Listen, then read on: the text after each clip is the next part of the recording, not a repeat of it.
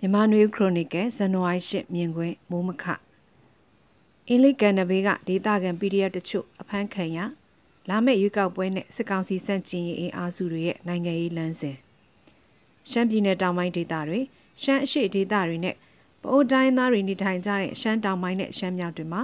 NUG ရဲ့လက်အောက်ခံသို့မဟုတ် NUG မဟာမိတ်ဖြစ်တဲ့ PDF တပ်ဖွဲ့တွေမရှိသလောက်နေပါတာတွေ့ရပြီးခုပထမဆုံးအနေနဲ့အင်းလိကယ်ရဲ့တောင်ပိုင်းအစွန်းလို့ဆိုရမယ် အင်းဒိန်ကျေးရွာနီမှာဆယ်ကနန်းမြရှိတဲ့ PDF တပ်ဖွဲ့တချို့ဖမ်းဆီးခံခဲ့ရတဲ့သတင်းတွေဖော်ပြထားကြပါတယ်။မြန်မာနိုင်ငံမှာအကျယ်ဆုံးတိုင်းရင်းသားပြည်နယ်ဖြစ်တဲ့ရှမ်းပြည်နယ်လို့ဆိုရင်ရှမ်းပြည်နယ်မြောက်ပိုင်းရှေ့ပိုင်းနဲ့တောင်ပိုင်းတွေမှာတိုင်းသားလူမျိုးစုလက်နက်ကိုင်အဖွဲ့အသီးသီးရှိကြပြီးအများစုကဆီယနာသိမ်းပြီးနောက်တက်လာတဲ့စစ်ကောင်စီနဲ့ပိုနေမြဲကြားနေမြဲမူဝါဒကိုကင်ဆွဲထားကြပြီးထိတ်တိုက်ရင်ဆိုင်တိုက်ခိုက်မဲ့လမ်းကြောင်းကိုအများစုသောအဖွဲ့တွေကမရွေးချယ်ကြပါဘူး။အဲ့ဒီဒေသတွေမှာဒေသခံတွေရဲ့ PDF ဖွဲ့တွေပေါ်ထွက်လာတာသိမရှိကြပါဘူး။ပြီးခဲ့တဲ့နှစ်တွေမှာရွာငံနဲ့ပင်တရဘက်မှာ PDF အဖွဲ့ချို့ဖွဲ့စည်းလှုပ်ရှားခဲ့ကြပေမဲ့တိုင်းသားလက်နက်ကိုင်ဒေသတွေနဲ့တတိတခြားဖြစ်နေတာကြောင့်ရောလက်နက်နဲ့ငွေကြေးကိစ္စအထောက်အပံ့တွေရေရှည်ရဖို့ခက်ခဲတာကြောင့်လည်းရေရှည်မလှုပ်ရှားနိုင်ကြပါဘူး။ခုလက်တလုံးဖမ်းဆီးခံလိုက်ရတဲ့အင်းလေးကန်ရဲ့အနောက်တောင်ဘက်အစွန်ဖြစ်တဲ့အင်းဒိန်ကျေးရွာတဝိုက်မှာလှုပ်ရှားကြတဲ့အဖွဲ့တွေဖြစ်ပါတယ်။ တောင်ကြီးမြို့မှာဆန္ဒပြမှုတွေပြီး PDF လှုပ်ရှားမှုအချို့ရှိခဲ့ပေမဲ့လည်းရေရှည်မရက်တည်နိုင်ကြပဲတဖြည်းဖြည်းနဲ့တခြားနယ်ပယ်တွေကိုရွှေ့ပြောင်းသွားကြရတာဖြစ်ပါတယ်။ရှမ်းပြည်နယ်နယ်နိမိတ်အရာဆိုကယားပြည်နယ်နဲ့ထိစပ်နေတဲ့ဒေသတွေမှာတော့ကယားပြည်နယ်ဘက်ကဆီယနာသိမ့်ပြီးဒေသလိုက်ထွက်ပေါ်လာတဲ့ PDF ဖွဲ့တွေဖြစ်တဲ့ KNDF ကအားကောင်းတာဖြစ်ပါတယ်။ရှမ်းပြည်နယ်ရဲ့နိုင်ငံရေးနောက်ခံအခြေအနေကိုကြည့်ရင်မြန်မာနိုင်ငံရဲ့လူမျိုးစုအရေးကနိုင်ငံရေးဖြစ်စဉ်တွေမှာဘလောက်ရေးပါတယ်လဲဆိုတာသိရှိနိုင်ပါတယ်။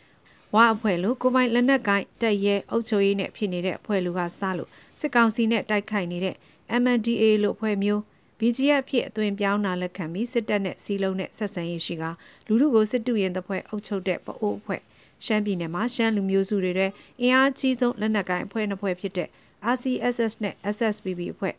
မြောက်ပိုင်းမဟာမိတ်အဖွဲ့ဆိုတဲ့စစ်ကောင်စီတပ်တွေနဲ့မကြာခဏတိုက်ခိုက်နေတဲ့အဖွဲ့တွေပါတဲ့မဟာမိတ်စသဖြင့်အမျိုးမျိုးသောအဖွဲ့တွေက အမျိုးမျိုးသောနိုင်ငံရေးရှုမြင်ချက်လက်တွေ့အကျိုးစီးပွားတွေပေါ်အခြေခံကမူဝါဒချမှတ်ရည်တည်နေကြတာဖြစ်ပါတယ်။ဒေသလိုက်ပေါ်ထွက်လာတဲ့ PDF ဖွဲ့တွေအနေနဲ့ဆိုပါနိုင်ငံရေးစစ်ရေးအင်အားအစင်လာမဟာမိတ်ဖြစ်မှုတွေကိုမကြော်လွန်နိုင်ကြတာတွေ့ရပါလိမ့်မယ်။မြန်မာဒီမိုကရေစီရေးနဲ့ဆီယနာရှင်ဖြုတ်ချရေးကအဖြူအမဲခွဲခြားသလိုထင်သလောက်မယိုးရှင်းပဲတိုင်းသားဖက်ဒရယ်ရေးလူမျိုးစုချင်းချင်းကြားကဆက်ဆံရေးပြဿနာတွေကိုလည်းတွဲလျက်ဖြေရှင်းနိုင်ဖို့မူဝါဒရည်တည်ချက် မှန်ကန်တဲ့ချင်းကပ်မှုတွေလိုအပ်တာအမှန်ပဲဖြစ်ပါတယ်။တချို့သောပြဿနာတွေက1988မှ2021ခုနှစ်မှာပေါ်ပေါက်လာတဲ့ပြဿနာမဟုတ်ဘဲ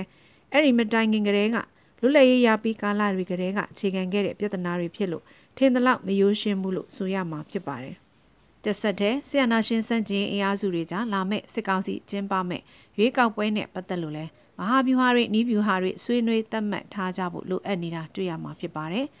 အကြခင်သတင်းပဲအနေငယ်အတွင်းစိတ်လှုပ်ရှားစရာမရှိတဲ့လွတ်လပ်မျှတစရာအကြောင်းမမြင်တဲ့ရွေးကောက်ပွဲနဲ့ပတ်သက်တဲ့ကြေညာမှုတွေကိုစစ်ကောင်စီဘက်ကလှုပ်လာစရာရှိပါတယ်။စိတ်လှုပ်ရှားစရာမရှိလွတ်လပ်မျှတစရာအကြောင်းမရှိတာအမှန်ဖြစ်ပေမဲ့ချို့သောနိုင်ငံရေးပါတီတွေနဲ့နိုင်ငံရေးအင်အားစုတွေကခုလာမယ့်ရွေးကောက်ပွဲကိုဖျက်ဆီးကျင်းတာမျိုးလည်းဖြစ်ကောင်းဖြစ်နိုင်ပါတယ်။ဒီလိုစစ်ကောင်စီနဲ့ထိတွေ့ဆက်ဆံပြီးစစ်ကောင်စီကကမကထလုပ်ကျင်းပမဲ့ရွေးကောက်ပွဲကိုပါဝင်ရှင်ပြိုင်ခြင်းနဲ့နိုင်ငံရေးပါတီနိုင်ငံရေးသမားတွေနဲ့ မဲပေးဖို့ဖိအားပေးချင်းကြောက်ခံကြရနိုင်ခြေရှိတဲ့မြန်မာနိုင်ငံရဲ့ကျေးလက်နဲ့မြို့နေလူထုအခြေအနေတွေအပေါ်မှာဘယ်လိုတုံ့ပြန်ပြောမလဲကိစ္စတွေကအသေးစိတ်စဉ်းစားဆုံးဖြတ်ထားဖို့လိုအပ်နေပြီဖြစ်ပါတယ်။ရွေးကောက်ပွဲဟာစစ်ကောင်စီအတွက်နိုင်ငံရေးထွက်ပေါက်ဆိုတဲ့စကားကအတိတ်ပဲအမျိုးမျိုးတက်ရောက်စေနိုင်ပြီးအမှန်တော့နိုင်ငံရေးဖိအားတွေလျော့ပါမလားဆိုတဲ့မျှော်လင့်ချက်နဲ့လှုံ့ဆော်တဲ့နိုင်ငံရေးပြည်ရတစ်ခုလို့ဆိုရင်ပုံမှန်လိမ့်မှာဖြစ်ပါတယ်ရှင်။